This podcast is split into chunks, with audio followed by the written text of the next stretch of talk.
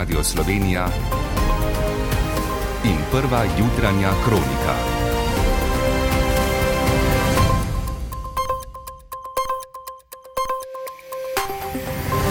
Ura je 5 in 30 minut.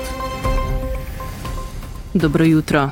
Koalicija bo na današnjem vrhu pretresala reforme na več področjih, ki jih vlada želi izvesti v letošnjem letu. V spredju bo zdravstvo, pri katerem premjer Obrt Golob pričakuje tudi podpis aneksah koalicijski pogodbi. Ker želimo, da tisti, ki smo v vladi, stojimo vsi za njo, ne samo predsednik in minister. Več takoj po drugih povdarkih oddaje.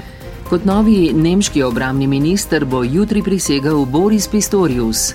Ukrajina pričakuje dodatne zaveze Zahoda k nadaljni pomoči. Pomorski sejem bo letos ponudil štiri sejemske dogodke. Danes bo spremenljivo oblačno s krajevnimi plohami. Z vami sva Maja Molin, Lučka Majcenovič. Na Brdu pri Kranju bo danes potekal koalicijski vrh, namenjen predvsem reformam. Poleg sprememb na področju zdravstva, vladni načrti za letos vključujejo še reforme pri davkih, plačah v javnem sektorju ter pokojninskem in šolskem sistemu.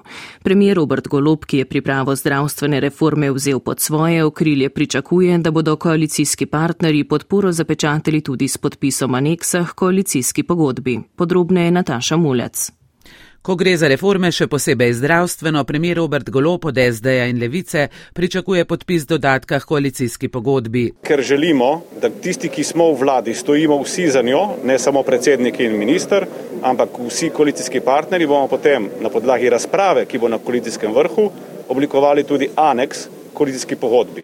V SD-ju in Levici, kot sta povedala vodi poslancev Jani Prednik in Matej Tavatovec, želijo od premijeja Roberta Goloba in ministra Daniela Bešiča Loredana najprej slišati, v kakšnem stanju je zdravstvo in izhodišča za ukrepe. Seveda potem določiti pot, eh, kako bomo reševali slovensko zdravstvo. In mislim, da moramo pač to zgodbo čim bolj vključujoče peljati. Med pomembnejšimi ukrepi bo zagotovo reorganizacija Zavoda za zdravstveno zavarovanje, ki bi moral, po besedah novega vodja strateškega sveta Erika Breclja, nuditi celotno košarico pravic. Predvsej vroče je tudi zaradi reforme plač v javnem sektorju. Potem, ko je vlada različnim skupinam dala ugodnosti, je zdaj na nogah večina sindikatov v javnem sektorju. Da je dovolj varčevanja na upokojencih, pa bo vladi pred začetkom koalicijskega vrha sporočila tudi Zveza društev upokojencev. Vlada je včeraj objavila javni natečaj za položaj direktorja Urada vlade za komuniciranje. Da se bo prijavila, je potrdila zdajšnja vršilka dožnosti Petra Bezjak Cirman, ki je bila imenovana avgusta. Kandidat bo moral med drugim predložiti vizijo prednostnih nalog in razvoja UKOMA. Zadnji dan za prijavo je 1. februar. Poglejmo na tuje. Nemčija ima novega obrambnega ministra. Po odstopu Kristine Lambrecht bo jutri na položaj zaprisegal Boris Pistorius, notranji minister spodnje Saške iz socialdemokratske stranke.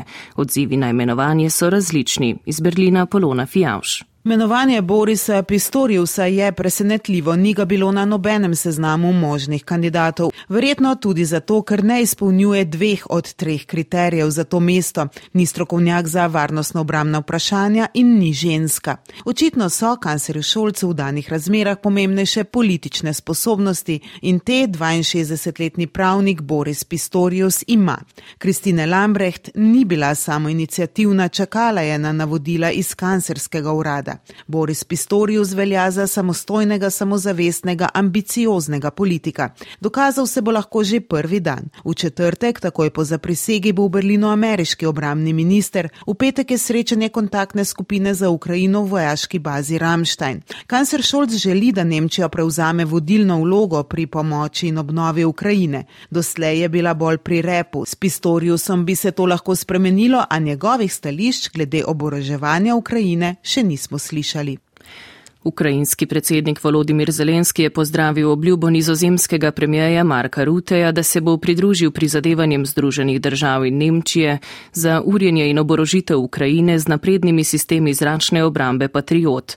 Nadaljnje zaveze Zelenski pričakuje tudi na drugih mednarodnih srečanjih. Svet čuje Ukrajino v Davosi. Ukrajina je slišana tudi na svetovnem gospodarskem forumu v Davosu. Voditelji vedo, kaj je Rusija storila Dnipru, kaj teroristi počnejo v Hersonu, Harkovu in Donbasu. Kot je dejal Zelenski, se Kijev dejavno pripravlja na petkovo srečanje skupine za obrambo Ukrajine.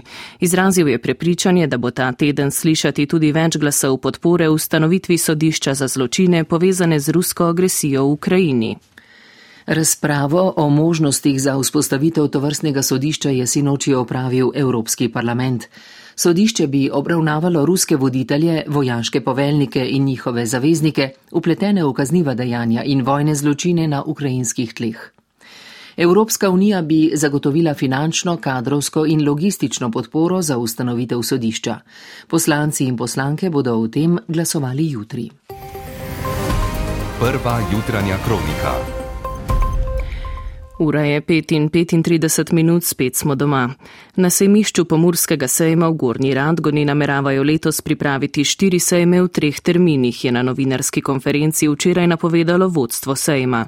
Osrednji bo tudi letos mednarodni kmetijsko-živilski sejem Agra, prva sejma Megra in Green se bosta začela že marca. Iz Gornje Radgone Lidija Kosi. Lanskoletne sejemske prireditve je na Pomorskem sejmu obiskalo več kot 120 tisoč ljudi, na njih pa se je predstavilo dobrih 2000 razstavljavcev iz 31 držav. Na devetih strokovnih ocenjevanjih je z več kot 1700 izdelki sodelovalo 451 podjetij oziroma ponudnikov, najmanj toliko jih pričakujejo tudi letos, pravi predsednik uprave Pomorskega sejma Janez Rjavec in dodaja, da se zelo trudijo s privabljanjem sodelujočih. Še posebej seveda je ta agra specifična z ozirom na to, da imamo eh, edini v Evropi tudi vzorčne nasade in tu vsako leto tudi naredimo neki dodatek in tudi v letošnjem letu so v načrtu novosti. Te in s preostalimi sejmi povezane bodo predstavljali sproti, prva, ki pa spada med druge projekte Pomorskega sejma, pa se obeta že v naslednjih dneh, ko bodo začeli zbirati les za prvo licitacijo vrednejših vrst, tako iglavcev kot listavcev. Prenovo glavne regionalne ceste skozi Prevalje bi morali končati že ob novem letu, vendar so dela podaljšali do konca aprila.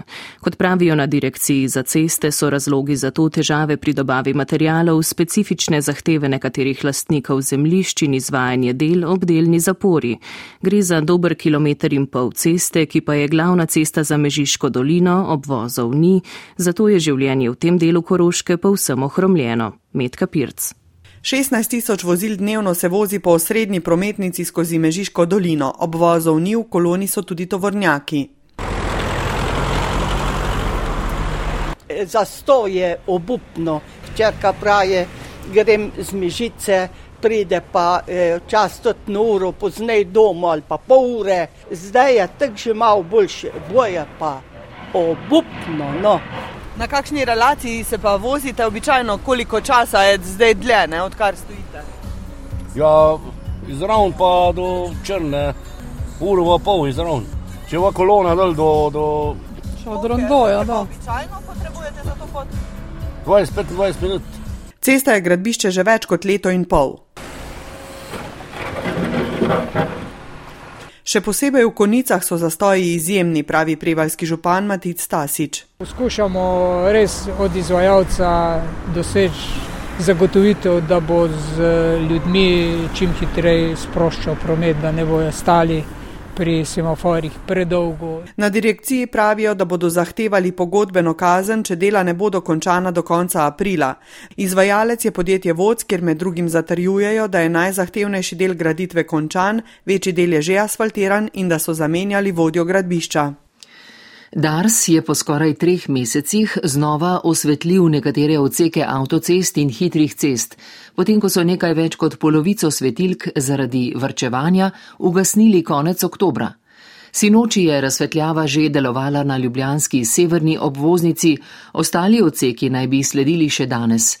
Na Avtomoto zvezi so dlje časa opozarjali, da je tveganje zaradi vrčevanja preveliko, saj so številni vozniki zaradi neosvetljenosti zgrešili izvoz.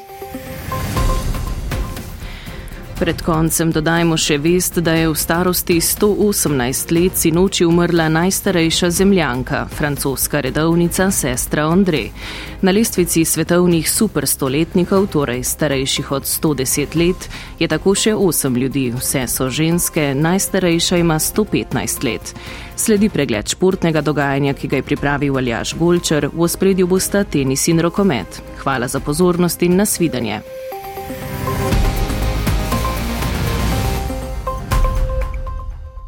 Na svetovnem rokometnem prvenstvu na polskem in švedskem je bil sinoči končan prvi skupinski del. S odstotnim izkupičkom zmag so štiri točke v drugi del tekmovanja prenesli Švedska, Norveška, Španija, Francija, Nemčija, Danska in Egipt. Slovenija ima pred današnjo tekmo z Iranom dve točki. Novinec v slovenskem taboru je Matej Gabr, nared za igro naj bi bila tudi Rokovniček in Borut Mačkovšek.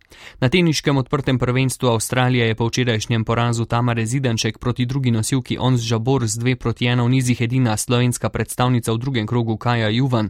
V drugem krogu se bo Juvanova danes pomedila z 22. postavljeno Jeleno Ribakino.